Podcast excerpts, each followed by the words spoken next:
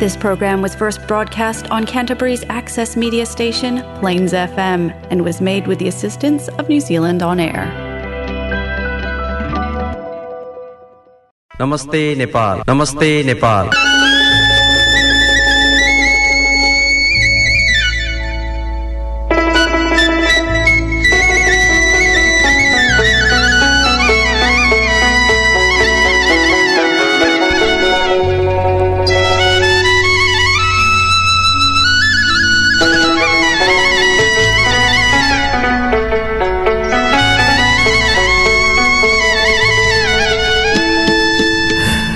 नमस्कार Nepal New Zealand friendship society क्यान्टबरीको प्रस्तुति कार्यक्रम नमस्ते नेपालको एक अर्को अङ्कका साथ यहाँहरूको घर आँगन रेडियो सेटमा उपस्थित भइ नै सकेको छु। त्यसैले कार्यक्रम सुन्दै बस्नुभएका सम्पूर्ण श्रोताहरूलाई सधैँझै म विनोद यहाँहरूलाई हार्दिक स्वागत नमस्कार टक्राउँदछु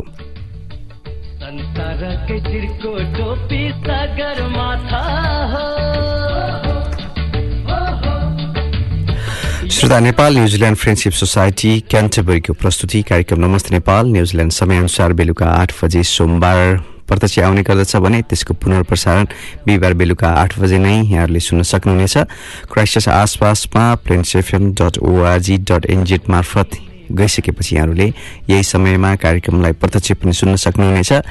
त्यस्तै ninety six point nine megahertz यहाँहरूको फ्रिक्वेन्सी मोडुलेसनमा जोडिसकेपछि कार्यक्रमलाई यही समयमा प्रत्यक्ष सुन्न सक्नुहुनेछ।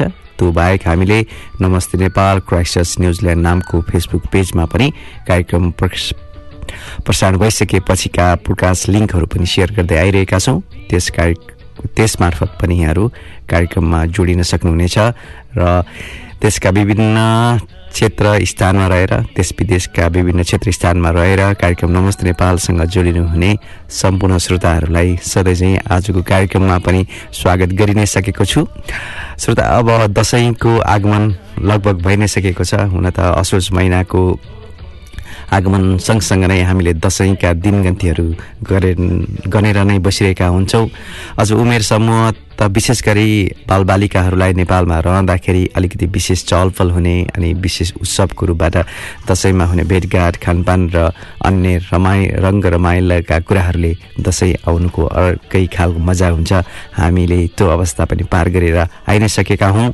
विदेशमा पनि अब हामीले पनि विधाका तौर थाम्मा तारम्यहरू मिलाउनु पर्ने हुन्छ। त्यसैको तयारी सायद यहाँहरूमध्ये धेरैले गरि नै सक्नुभएको छ होला। हुन त कोरोनाको सङ्क्रमण छ त्यसको पीडामा परेका परिवारहरू अलि अप्ठ्यारोमा हुनुहुन्छ होला। उहाँहरूप्रति पनि हाम्रो भावनात्मक सहानुभूति छ नै। त्यही पनि अब रोजगार र अध्ययन अनि अन्य काम विशेषले सहर र गाउँभन्दा अलिकति टाढा रहेका नेपालीहरू अब दसैँमा घर जाने तयारी कसिसकेको हुनुहुन्छ होला जस्तो लाग्छ। अब त्यस्तै साढे दुई महिनापछि अब मन्त्री परिषदको विस्तारको चटारो पनि अर्को राजनीतिक चटारो छ। अब केही भाग्यमानी सांसदहरू त यसपालिको दसैँमा वा भनौँ दसैँको सम्मुखमा मन्त्री हुन पाउने अवस्था पनि आउँछ कि जस्तो पनि हामीले गरिरहेका छौँ। त्यो बाहेक कर्णाली प्रदेशमा मुख्यमन्त्री सहित तिनजनाले हेलिकप्टर चढेर टोल्पाको एउटा विद्यालय उद्घाटन गर्न गएको र त्यसबेला उनीहरूलाई लगाइएको चालिस किलोको मालाको खबर पनि अहिले भाइरल खबरको रूपबाट यतातर्फ अर्कोतर्फ सबैतर्फ सुनिन पाएको छ देख्न पाएको छ। हुन त अलि सामाजिक सञ्जालको पहुँचले अब हामी कोही कहीँसँग कोही कोहीसँग पनि हामी टाढा छैनौँ। अब यस्तै खालको खबर सामग्रीहरू पनि छन्। अब एमसिसीको कुराहरू पनि अब कहाँ कसरी थन्किने हुन् अथवा त्यसको व्यवस्थापन कसरी गरिन्छ त्यो पनि अर्कै ठाउँमा भयो। यसरी नै आजको साँझमा पनि कार्यक्रम नमस्ते नेपालको अब दैलो उगारि नै सकेको छु। अनि यहाँहरूको लागि ल्याइएका अन्य खबर सामग्रीहरूलाई पनि बिस्तारै जोड्ने प्रयास गरिरहनेछु। अब हामी श्रोता टिप्पणीको रूपबाट हरेक कुराहरू हरेक सामग्रीहरूलाई हामीले प्रस्तुत गर्न लागिरहेका हुन्छौँ। अब सिंहदरबार अब याङमा गाउँ अनि पिल्डलपारी गाउँ पनि दसैँको सम्मुखमा त्यहाँको पीडा कम भएको छैन। अब त्यसैको यो छोटो प्रसङ्ग अब आजको कार्यक्रमको सुरुवातमा प्रस्तुत गर्न चाहेँ। सिंहदरबारलाई गाउँ गाउँमा लैजान नसकिने सिंहदरबारको अधिकार र सेवा सुविधालाई देशको कुना काप्सामा पुर्याउन सके पो राजनैतिक परिवर्तनले जनताका जीविकोपार्जन छुन सक्ने थियो। तर यसतर्फ कसैको ध्यान जाने देखिँदैन।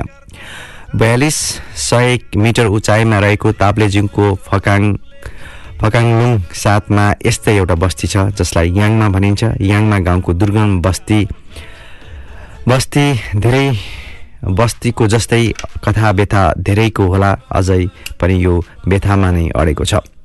भोटे जातिको मात्र बसोबास भएको उक्त बस्तीमा सत्र घर छन्। बसोबास भने दस परिवारको मात्र छ नियमित रूपबाट। नेपाल चीन सिमाना टाङ भन्ज्याङ नजिकको यो बस्ती राज्यको नजरबाट कैयौँ गुणा कोष टाढा रहेको छ। टेलिफोन छैन स्कुल छैन सामान्य चोट लागे अहेवर अनामी भेट्न पुरै एक दिन हिँडेर मात्र स्वास्थ्य चौकी पुगिन्छ। चिनले बेला बेलामा चामल नुन तेल पिठो लगायत खाद्य वस्तु दिए पनि नेपाल सरकार तर्फ सरकारको तर्फबाट त्यस्तो केही खाद्य वस्तुहरू सरसहयोगहरू नपाएको स्थानीयवासीको गुनासो भएको खबर पनि सार्वजनिक भइ नै सकेको छ। आलु सार्दा चेने भन्ने अलि तल्लो गाउँमा झर्दा वर्षमा एकपटक औल क्षेत्रका बासिन्दाहरूसँग साक्षात्कार भए पनि त्यहाँका बासिन्दाले नयाँ मान्छे समेत देख्न पाउँदैनन् अन्य दिनहरूमा। आधारभूत आवश्यकतामा पर्ने खाद्यान्न शिक्षा स्वास्थ्यबाट वञ्चित हुँदै आएको याङमा गाउँको दुर्गमतालाई महसुस गर्ने आँट र छाँट राज्यमा कहिलेदेखि होला हामी यस्तै अप्ठ्यारोमा बसेर यी पीडाहरूमा पनि हाम्रो भावनात्मक सम्बन्ध प्रस्तुत गर्न चाहिरहेका छौँ। अर्कोतर्फ पूर्वतिर झापाको कचन कवल गाउँपालिका एक स्थित पिण्डलबारीका जनतालाई को पनि जनताको व्यवस्थाको कुरा पनि छ श्रोता। त्यहाँका जनता आफ्नै देश बिरानो छ। आफ्नै देश भन्नाले नेपाल उनीहरूलाई बिरानो जस्तो छ। आफ्नै देश आउन पनि उनीहरूलाई भारतको बाटो भएर आउनुपर्ने बाध्यता छ। दक्षिण पश्चिम र उत्तरमा भारत छ। पूर्वमा ठुलो बिरिङ नदी बगेको छ। नदीमा पुल नहुँदा बर्खामा आफ्नो देश आउन सकिँदैन। पिण्डलबारीका करिब एक सय चालिस घरका नेपालीहरू यस्तै कष्टकर जीवन बिताउन बाध्य भएका छन्। श्रोता यसरी सिंहदरबारलाई हामीले गाउँ गाउँमा लैजाने कुरा गर्दै गर्दाखेरि हामीले यहाँ प्रतिनिधिमूलक गाउँ याङमा गाउँ र पिण्डलबारीको यो प्रसङ्ग पनि आजको कार्यक्रममा जोडिसकेका छौँ। त्यस्तै अब सीमाको कुराहरू पनि छ। हामी सीमाको कुरा पनि जोड्ने क्रम गरौँला।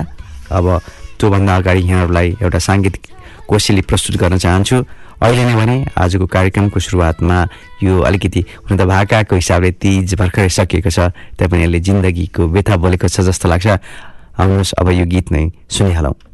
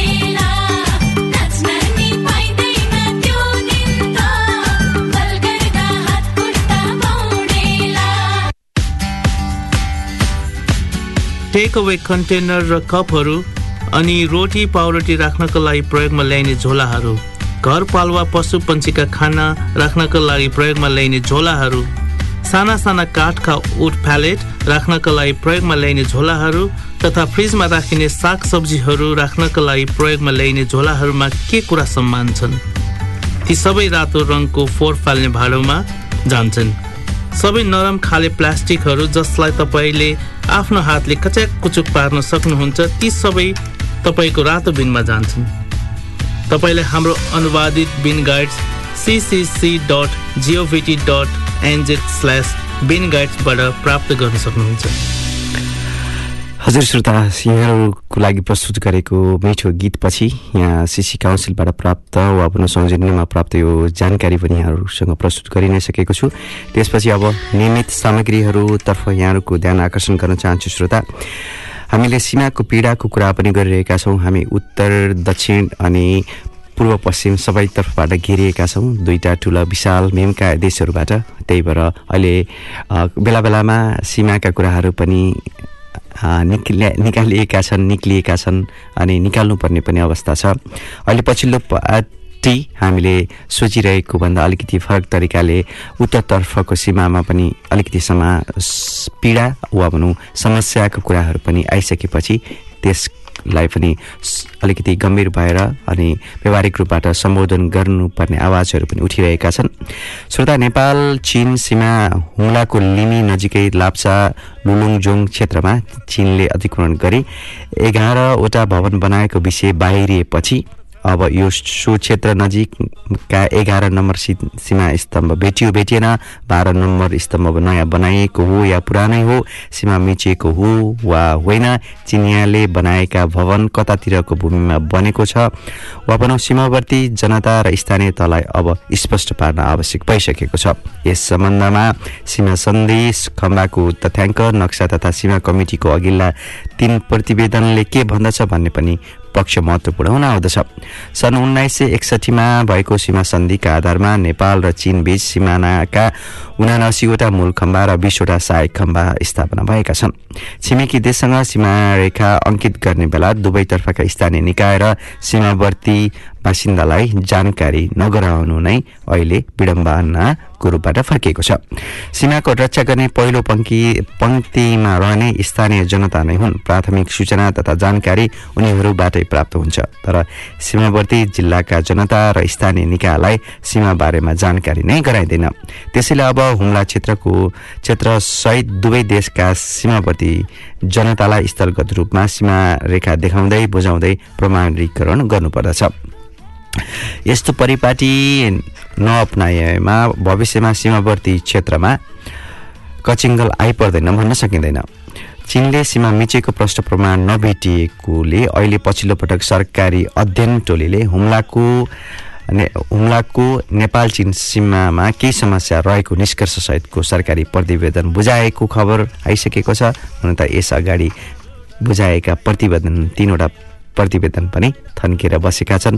हामीले सुन्न देख्न र बुझ्न भएका छैनौँ। स्थानीयको कुरा त धेरै टाढाको भयो। श्रोता अब सीमाको कुरा गर्दै गर्दा हामी कहिलेकाहीँ यस्तै अप्ठ्यारोहरूमा पर्छौँ। छिमेकीहरूप्रतिको वैरभाव कति पनि होइन तैपनि हामीमा उनीहरूले हामीप्रति दर्शाउने र उनीहरूको क्रियाकलापसँग जोडेर आउने कुराले हामीलाई कहिलेकाहीँ मन दुख्छ मन भाँचिन्छ र कहिलेकाहीँ ठुलो आँट पर्छ र आक्रोश पनि पैदा हुन्छ। हुन त भनिन्छ नाममा नै के छ के नै छ र भनिन्छ तैपनि होइन श्रोता नाममा पनि धेरै कुराहरू हुन सक्छ अहिले पछिल्लो पटकको छुटो प्रसङ्ग यस्तै नामसँग जोडिएको प्रसङ्ग हो। श्रोता पितौजी नामको यो प्लान्ट प्लम बिरुवासँगको त्यसको नामाकरणको विषयको यो प्रसङ्ग।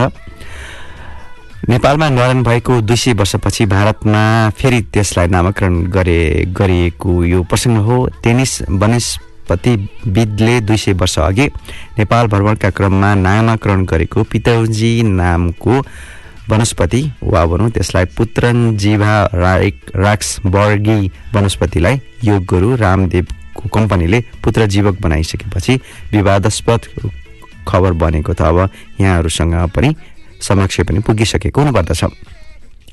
इस्ट इन्डिया कम्पनीमा कार्यरत डेनिस चिकित्सक एवं वनस्पति सङ्कलक नाथी नियल वालिजले सन् अठार सय बिस र एक्काइसमा नेपालको भ्रमण गरेर नेपाली वनस्पति समेत सङ्कलन गरेका रहेछन्। उनले सन् अठार सय छब्बिसमा नेपालका वनस्पतिहरूको विवरण सङ्कलन गरेर त्यस सम्बन्धित पुस्तक टेन्टामेन फ्लोरा नेभलेन्सिस इलिस्ट्रेट प्रकाशित गरेका रहेका गरेका रहेछन् र सोही पुस्तकमा हामीले बुझ्दै आएको स्थानीय भाषामा बुझ्दै आएको पिचौजीको पुत्रन्जीवा राक्सबर्गी नाम उनले दिएका रहेछन् जुनलाई अहिले र बाबा रामदेवका रूपबाट चर्चित बाबा रामदेवले अहिले उनलाई पुत्र जीवक भनेर प्रचार गरिरहेका छन्। श्रोता हुन त अब यसलाई नेपालमा पुत्रजीवी पनि भनेर भनिन्छ यसलाई बुझिन्छ अनि त्यस्तो बाहेक पुत्रजीवक पितौजी र पितामारी समेत भनेर भनिँदो रहेछ। पितौजीको तेलले शरीर शरीर मालिस गर्दा बाथ जोड्ने सम्बन्धी रोगका बिरामीलाई फाइदा पुग्ने तथा यसको बिउको से बिउको ठुलो बेलुकी थोरै मात्रामा सेवन गर्दा पनि निन्द्रा नलाग्ने समस्या हटाउन सहयोग पुग्ने गर्दछ। सेतो रङको बोक्रा भएको पितौजिया बिस मिटरसम्म अग्लो हुन्छन् र हाँगा र बा पात बाक्लो हुने भएको रुख चप्पो परेको देखिन्छ। यो सदाबार पनि हो। चिल्ला र लाम्सा हुने भएकाले यसका पात अशोकका जस्तै देखिन्छन्। यो वनस्पति वा भनौँ पितौजीसँग जोडिएको प्रसङ्ग हो जसलाई दुई सय वर्षपछि पुनः नामाकरण गर्दाखेरि हामीलाई चित्त बुझेको छैन। श्रोता अब यसरी विभिन्न खालका खबर सामग्रीहरू जोड्ने रहर हुन्छ। अब कोरोना कोभिडको कोरि कोरोना कोभिडसँग जोडिएका अप्ठ्यारो अवस्थाहरू पनि छ। आजको एनाउन्समेन्टमा अब न्युजिल्यान्डमा भेटघाटको लागि एक सय पचासजनाको समूह पनि बढाइएको छ।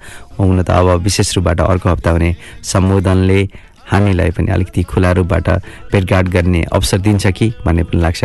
दसैँको नजिकमा केही उत्साहजनक खबरहरू आयो भने कतै हाम्रो प्रत्यक्ष भेटघाट अलिकति बढी खुलस्त अलि खुलापनबाट हुनसक्छ कि भन्ने पनि हुन्छ। यद्यपि हाम्रा आन्तरिक रूपबाट छोटो छोटो मिठो समूहहरूमा त भेटघाट भइ नै रहेको छ। हुन त कोभिडसँग जोडिएको खबर नेपालीहरूसँग जोडिएको हो। विशेष गरी वैदेशिक अध्ययनमा जाने तयारीमा रहेका र विधामा नेपाल आएका विद्यार्थीहरूको शैक्षिक भविष्य पनि अन्यलमा परेको छ। यसले गर्दाखेरि वैदेशिक अध्ययनका लागि अनुमति र सम्बन्धित मुलुकको भिसा समेत पाइसकेका विद्यार्थी पनि आवत जावत नखुल्दा स्वदेशमै अल्पत्र परेका छन्। जापान अस्ट्रेलिया कोरिया मा अध्ययन भिसा पाइसकेका दस हजारभन्दा बढी विद्यार्थी ती देशमा कहिले जान पाउने हुन् भन्ने अनै अझै अनिश्चित छ। चिन बङ्गलादेश र अस्ट्रेलियामा पढ्दा पढ्दै नेपाल आएका विद्यार्थीहरू अझै फर्कन पाएका छैनन् र कतिले त अनलाइन मार्फत नै पढेर त्यसको फी शुल्क तिर्दै आइरहेका छन् भने अस्ट्रेलियाले अहिले पछिल्लो पटक डिसेम्बरसम्ममा केही अलिकति उत्साहजनक खबर दिने हो कि भन्ने सम्भावना बढिरहेको छ अन्तर्राष्ट्रिय विद्यार्थीहरूको लागि। श्रोता यसरी बेलुका आठ बजेदेखि Plains FM ninety six point nine मेगाजमा सुरु भएको कार्यक्रम नमस्ते नेपालमा। यी खबर सामग्रीहरू प्रस्तुत गरिसकेपछि अब फेरि यहाँहरूलाई एउटा मिठो रमाइलो गीत प्रस्तुत गर्दछु। त्यो गीतपछि आजको कार्यक्रमलाई फेरि पनि बिट मार्नका लागि अन्य सामग्रीहरू यहाँहरूलाई सुनाउनेछु अहिले नै भने यो गीत सुनेर मनोरञ्जन गर्दै गर्नुहोला।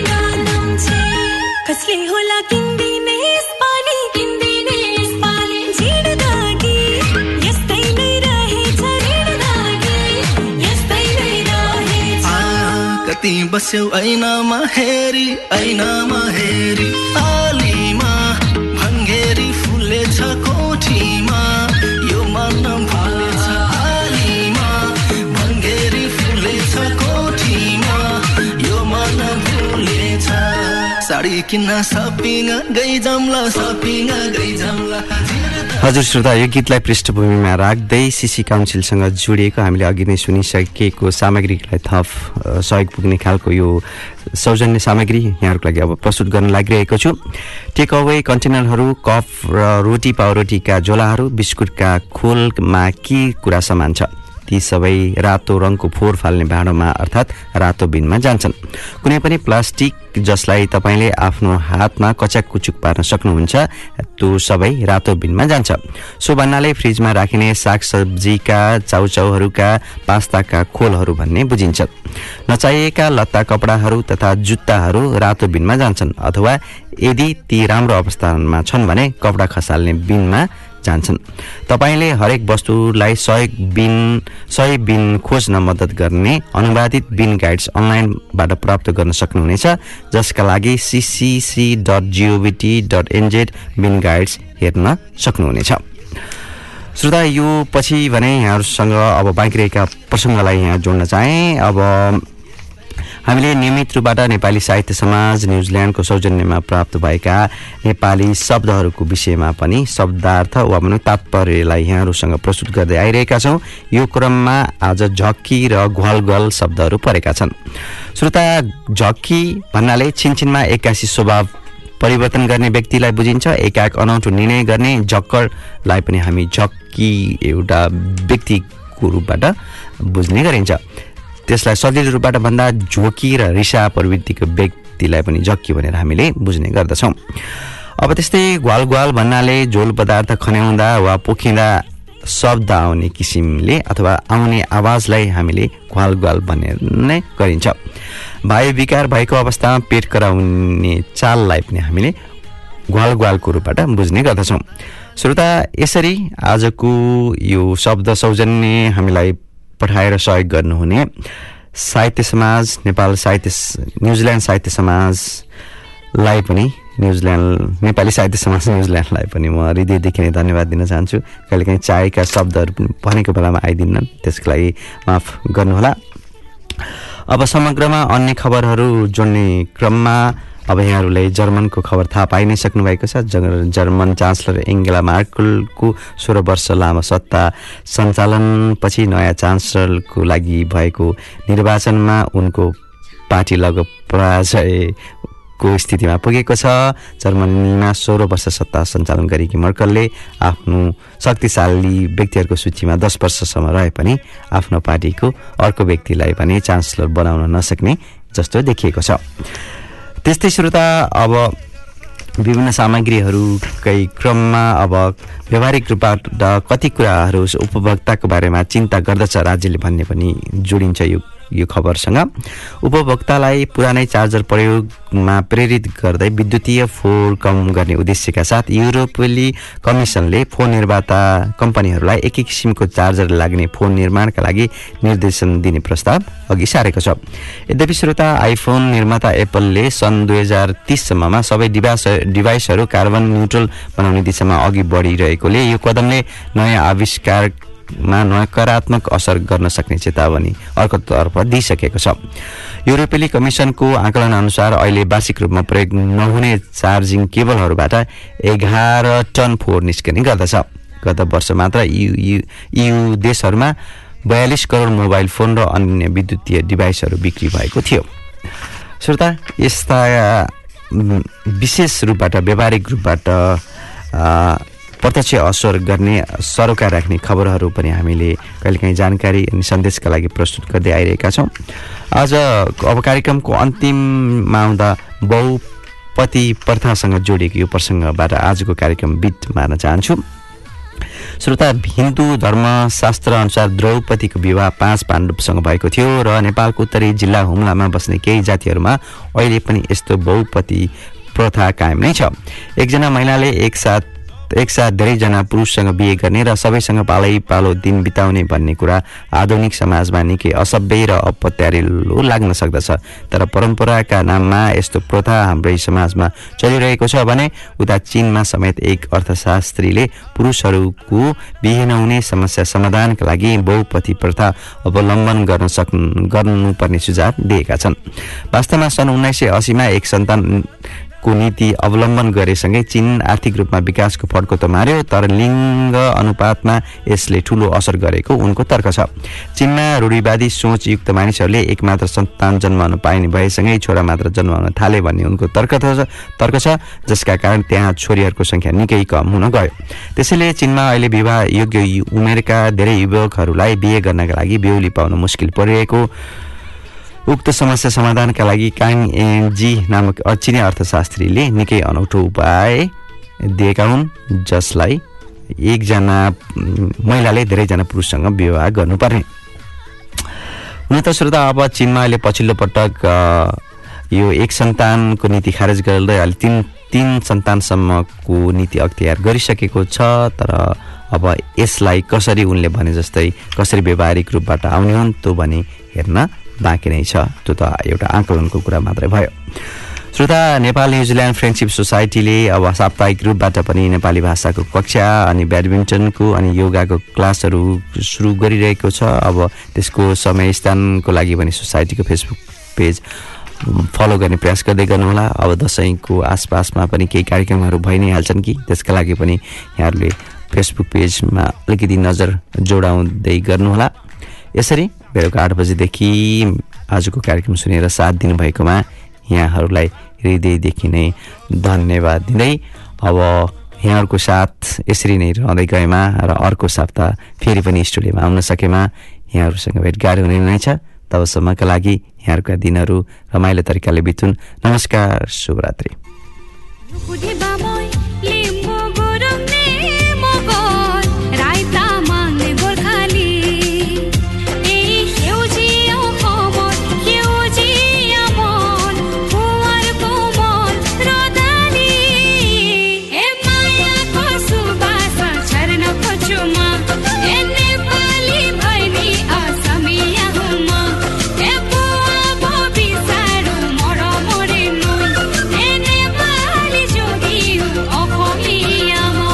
नमस्ते नेपाल नमस्ते नेपाल।